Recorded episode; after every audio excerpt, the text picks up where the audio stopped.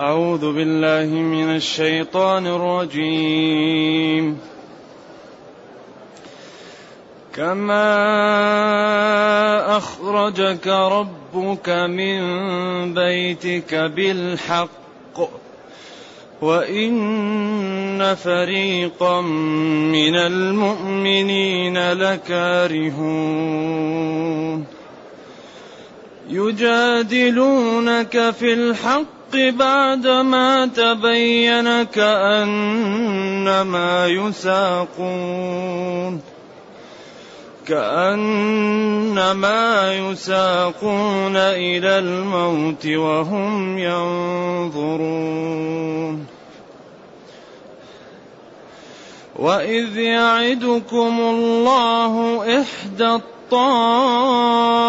الطائفتين أنها لكم وتودون أن غير ذات الشوكة تكون لكم ويريد الله أن يحق الحق بكلماته ويريد الله أن يحق الحق بكلماته ويقطع دابر الكافرين. ليحق الحق ويبطل الباطل ويبطل الباطل ولو كره المجرمون. بارك الله فيك. الحمد لله. الحمد لله الذي أنزل إلينا أشمل الكتاب وأرسل إلينا أفضل الرسل. وجعلنا خير أمة أخرجت للناس. فله الحمد وله الشكر على هذه النعم العظيمة والآلاء الجسيمة. والصلاة والسلام على خير خلق الله وعلى آله وأصحابه ومن اهتدى بهداه. أما بعد فإن هذه الآية فيها إشكال وأقوال للعلماء كثيرة وهي قوله تعالى كما أخرجك ربك لذلك ذكر فيها أبو حيان خمسة عشر قولا. لأن ما الذي شبه به هنا؟ لأن الكاف تقتضي التشبيه. طيب كما أخرجك ربك من بيتك بالحق وإن فريقا من المؤمنين لكارهون يجاء طيب ما الذي حصل؟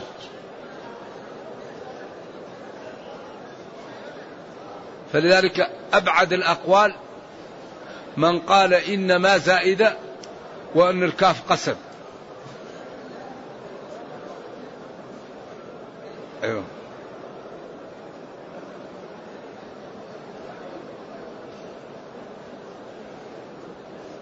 وهذا أبعد الأقوال. وأنه إنما المؤمنون الذين إذا ذكر الله وجلت قلوبهم وإذا تليت عليهم آياته زادتهم إيمانا وعلى ربهم يتوكلون الذين يقيمون الصلاة ومما رزقناهم ينفقون أولئك هم المؤمنون حقا والذي أخرجك من بيتك بالحق. هذا أبعد الأقوال.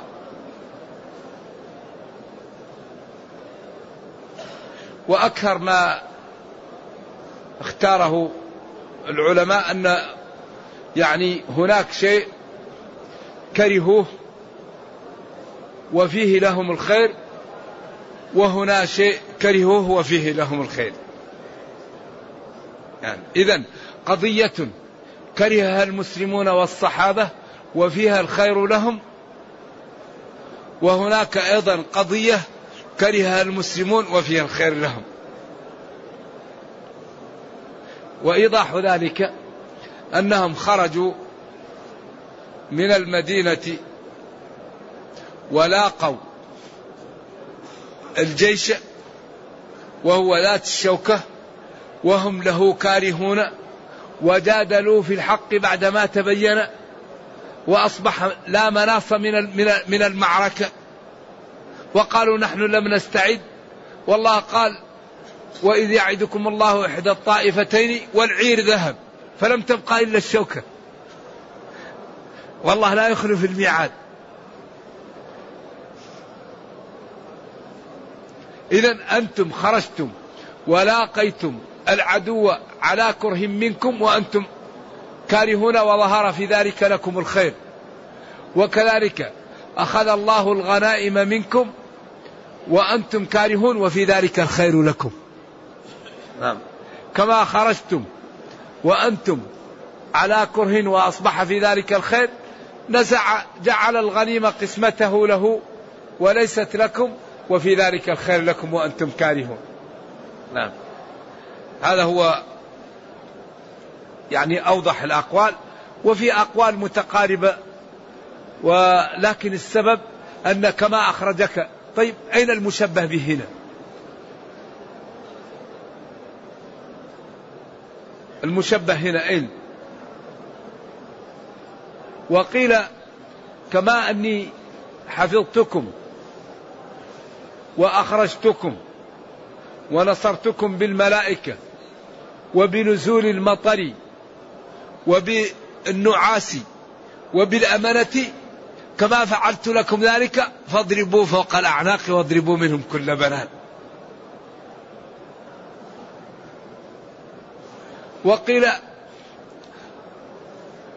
كما أخرجك ربك من بيتك بالحق وأنتم كارهون وقد ثبت ذلك وحكم الله به فقد كرهتم ألا تكون الغنائم لكم وقد حكم الله بذلك وثبته. نعم. وهم خرجوا لم يستعدوا. ولذلك قال لهم أبو سفيان جاء من الشام بعير فيها ثلاثين أو أربعين من قريش وتحمل أموال كثيرة. وكان أبو سفيان رجلا حازما كما سيأتي فأرسل العيون وأخبر أن محمدا صلى الله عليه وسلم خرج يريد العير. فأخذ ذات الساحل وأرسل وأرسل ضمان بن ثعلبة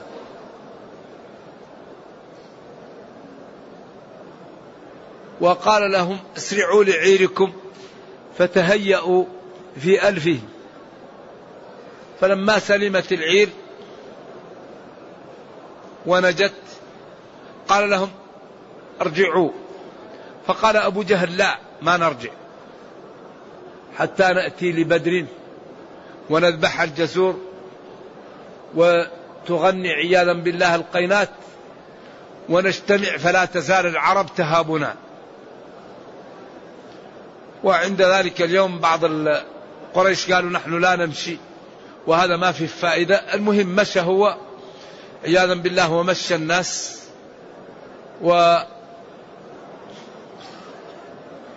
كما سيتبين في الآيات القادمة.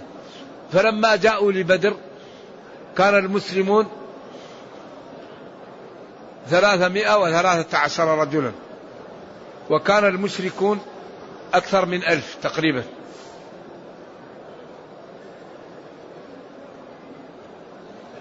إذا الله تعالى يمتن على المسلمين كما أخرجك ربك من بيتك بالحق وإن فريقا من المؤمنون لكارهون. يجادلونك في الحق بعدما تبين كأنما يساقون إلى الموت وهم ينظرون. فقد أخذ الله منكم الغنائم وجعل قسمتها لنبيه وذلك فيه الخير لكم مع كرهكم له.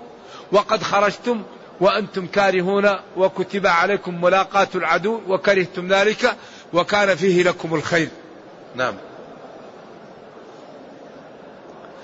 الذين كرهوا بعض المسلمين وكرهوا كراهة طبيعية ليس نفاقا ولا جبنا ولكن طبيعة الإنسان يكره قتال يكره ملاقاة العدو.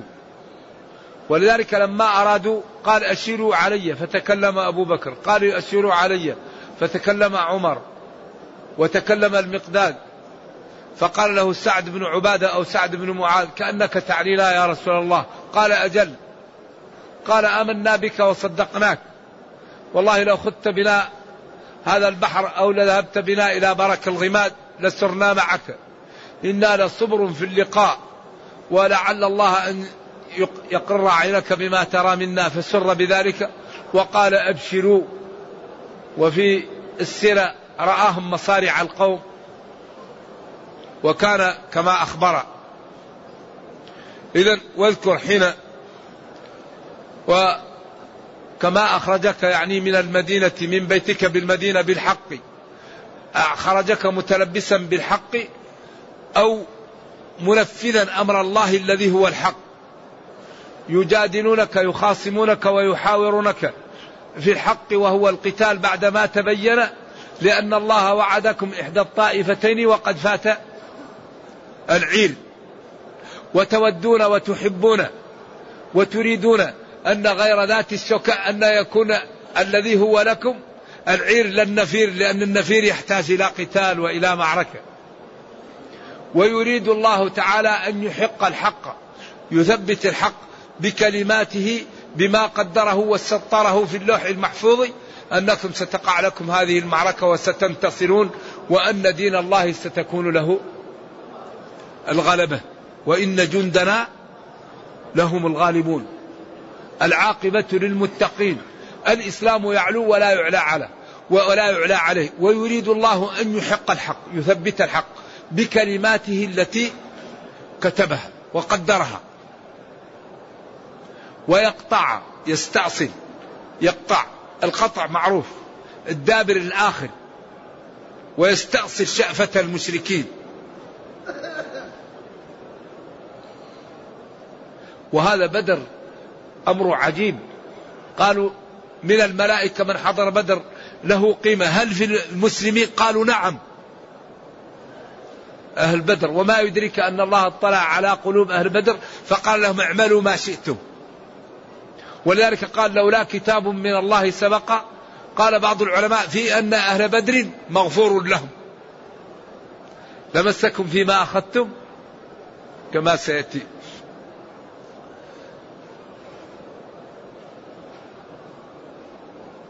إذا ليحق الحق ويبطل الباطل. يحق الحق يثبت الحق ويبطل الباطل. يظهر الإسلام يعليه ينصره يبين جماله وحسنه ويدحض الكفر ويهزمه ويمحقه ويجعله ذليلا. ولو كره المجرمون ذلك. ولو كره الكفار إيش؟ إحقاق الحق وإبطال الباطل. اذا هذا فيه دليل على أن الله تعالى لازم ينصر الحق ولازم يدحض الباطل. ولكن إذا قام أهل الحق بما فرض عليهم. لأن الله تعالى لما خلق الكون خلقه بأسباب. لا يمكن أن ينتصر المسلمون إلا إذا قاموا بالأسباب المطلوبة. فإذا قام المسلمون بالأسباب المطلوبة منهم الله يأتيهم بالنصر.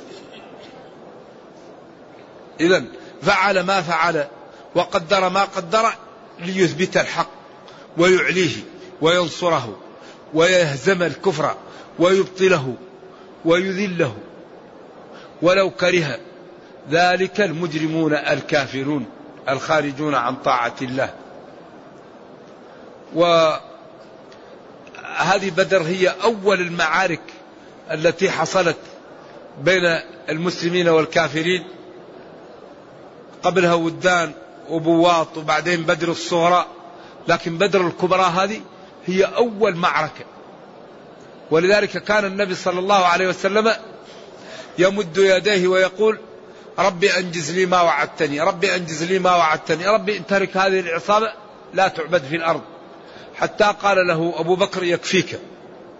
مناشدتك ربك يا يكفيك. ولما التقى الجيشان كما قال الله تعالى كان المسلمون بالعدوى الدنيا والمشركون بالعدوى القصوى. وكان المسلمون على قلة ماء وعطش وأصابتهم جنابة وجاء الشيطان وسوى يعني شوش عليهم. نحن مسلمون ما عندنا ماء وعلينا جنابة ولا عندنا ماء نتوضأ به. فأنزل الله المطر. فغسل به قلوب ما, ما حصل لهم. واغتسلوا ولبدت لهم الأرض وشربوا واطمأنوا. وأنزل الله عليهم النعاس. قيل هذا قبل المعركة. فناموا. والذي يصبح المعارك من الصعب أن ينام لأنه يخاف. كما قال يوصيكم النعاس أمنة منه. ثم قال إذ تستغيثون ربكم.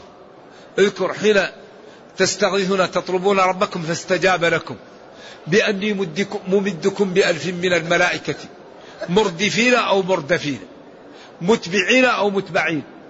وما جعله الله ذلك الإمداد إلا بشرى لكم. ولتطمئن قلوبكم به. وهناك في, في آل عمران ولتطمئن به قلوبكم. لأنه هنا تقدم وتأخر في هذا فلذلك اختلف السياق لأجل ما الزيادات الموجودة. ثم قال وما النصر إلا من عند الله إن الله عزيز حكيم. النصر لا يكون إلا من عند الله. لأنه هو العزيز الغالب الحكيم الذي يضع الأمور في مواضعها. ثم قال جل وعلا بعد هذا؟ إن يغشيكم النعاس. أمنة يعني لبسهم النعاس أمنة. إيش إعراب أمنة؟ ما إعراب أمنة. ليش ما تكون مفعول لأجله؟ غشاكم النعاس لماذا؟ لأن يؤمنكم لأجل الأمن. أيوه. وينزل عليكم من السماء الذي ذكرنا ماء ليطهركم به. ويهب عنكم وسوسة الشيطان. ويثبت لأنه كان في محل دهس رمد ثم أخبرهم إذ يوحي ربك إلى الملائكة أني معكم. قال لجبريل أنا مع المسلمين. فثبتوا الذين آمنوا. فجاءوا وثبتوا المسلمين. سألقي في قلوب الذين وجاءت الملائكة وشوشت عليهم وجعلت في قلوبهم الرعب. ثم قال فاضربوا فوق الأعناق. قيل اضربوا الرؤوس. وقيل اضربوا نهاية الأعناق في الرؤوس لأن عند ذلك يطير الرأس بسرعة. محل المفصل. محل ما تركب الرقبة في الرأس. أي نهاية الأعناق. وقيل اضربوا الرؤوس. وقيل اضربوا نهاية الأعناق في محل مركبها في الرؤوس. واضربوا منهم كل بنان. قيل البنان هذه الأصابع أطرافها. وقيل البنان أطراف الرجلين واليدين حتى يتعطل ولا يمكن إيش؟ أن يتحرك. ثم بين سبب ذلك ذلك بسبب أنهم شاقوا الله ورسوله ومن يشاقق الله ورسوله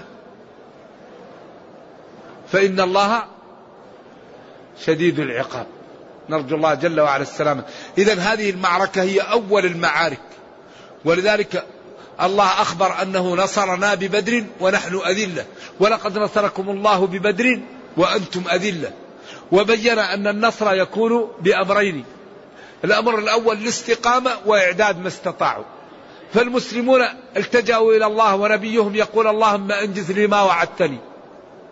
وكانوا على خوف ووجل وكانوا قلة. والمشركون كانوا كثرة. ولكن هؤلاء أصحاب بطر وهؤلاء أصحاب دين واستقامة واستكانة فنصرهم على ذلتهم وهزم هؤلاء مع كثرتهم وقوتهم. فلذلك ينبغي لنا أن نعرف الطرق التي بها نعز فنسلكها والطرق التي بها يأتينا الضرر فنتجنبها. هذه الأمور مهمة جدا ولذلك هذه الغزوة يعني لها ما لها ولعلنا إن شاء الله من الغد نكمل بعض الجوانب في هذه السورة ونرجو الله جل وعلا أن يرزقنا اتباع الحق ويرزقنا فهمه وأن يرزقنا تجنب الباطل والابتعاد عنه. اللهم ربنا أتنا في الدنيا حسنة وفي الآخرة حسنة وقنا عذاب النار. سبحان ربك رب العزة عما يصفون وسلام على المرسلين والحمد لله رب العالمين. وصلى الله وسلم وبارك على نبينا محمد وعلى آله وصحبه. شوية ما الحمد لله. اللهم لك الحمد. استغفر الله استغفر الله. سؤال يقول ذهبت ذهبت إلى بعد انتهائي من مناسك الحج إلى جدة لقضاء بعض الحاجات. ورجعت إليها إلى المكة بعد ثلاث أيام. طفت بالبيت طواف الوداع وجئنا إلى المدينة النبوية لكن سمعت أن علي فدية. لا ما عليك فدية ما دمت أنت طفت طواف الوداع ما عليك فدية. وجدة ومكة مع بعض قريب من بعض. يوسوس الشيطان لنا في بعض الأوقات أننا لن ندخل النار لأنها أعدت للكافرين.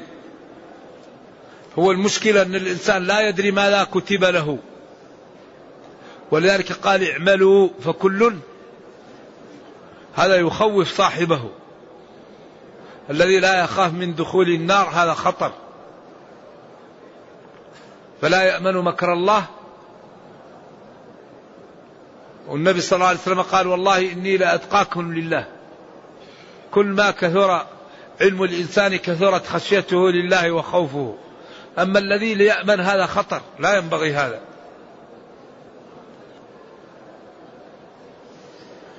يقول ما حكم حفظ القرآن جماعة؟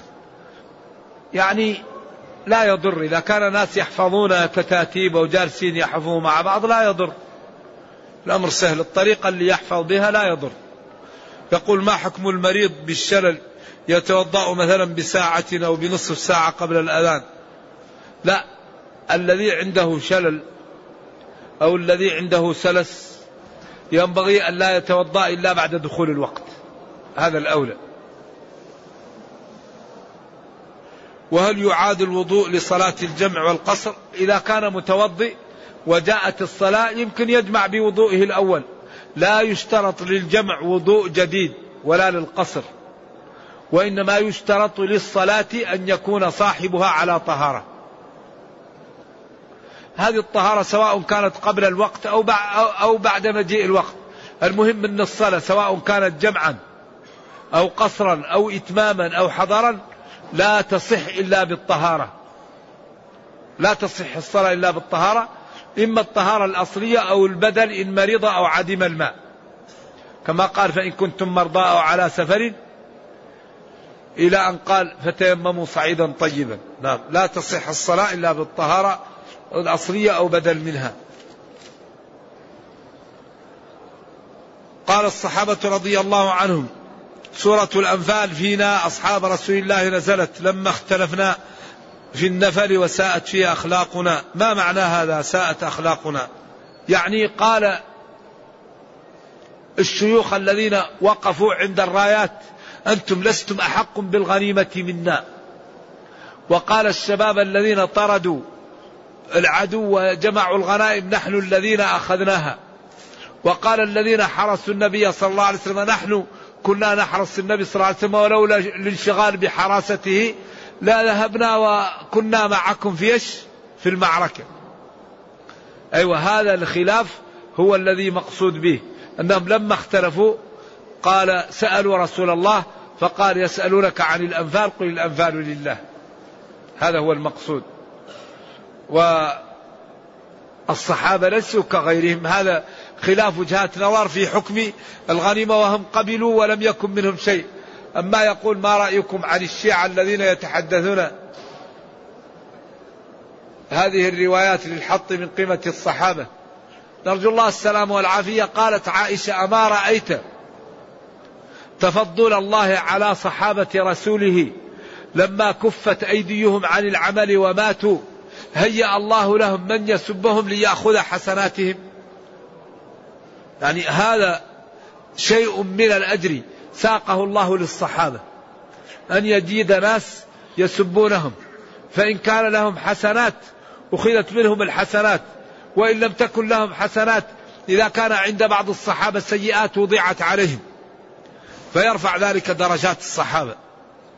ولذلك قال مالك من يسب أبا بكر فهو كافر. وقال من يشتم عائشة فهو كافر. قال لأن هذين مزكيان بالقرآن أولئك مبرؤون.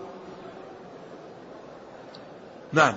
وسيتجنبها الأتقى الذي إيش؟ يؤتي ماله يتزكى وما لأحد عنده من نعمة تجزى إلا ابتغاء وجه ربه الأعلى ولسوف يرضى. ثاني اثنين إذ هما في الغار. يعني ما لأحد عندنا يد ما كفأناه له ما خلا أبو بكر. هل أنتم تاركوا لي صاحبي؟ فأبو بكر أفضل البشر بعد بعد بعد الرسل بعد الأنبياء. فهذا أفضل البشر يسبه لا يسبه إلا مطموس البصيرة. هذا يسمى طمس البصيرة. نعم نرجو الله السلام والعافية. يقضى على المرء في أيام محنته حتى يرى, يرى حسنا ما ليس بالحسن. والإنسان إن كان لا يأخذ حكما من كتاب ولا من سنة ولا من الصحيحين ولا من الكتب الستة ما رأيك فيه؟ لا يأخذ نص أبدا حكم من كتاب ولا من سنة. طيب إذا ماذا؟ إذا مشكلة هذه نرجو الله السلام والعافية. نرجو الله السلام والعافية. بس يكفي هذا. يكفي. السلام عليكم. شوية.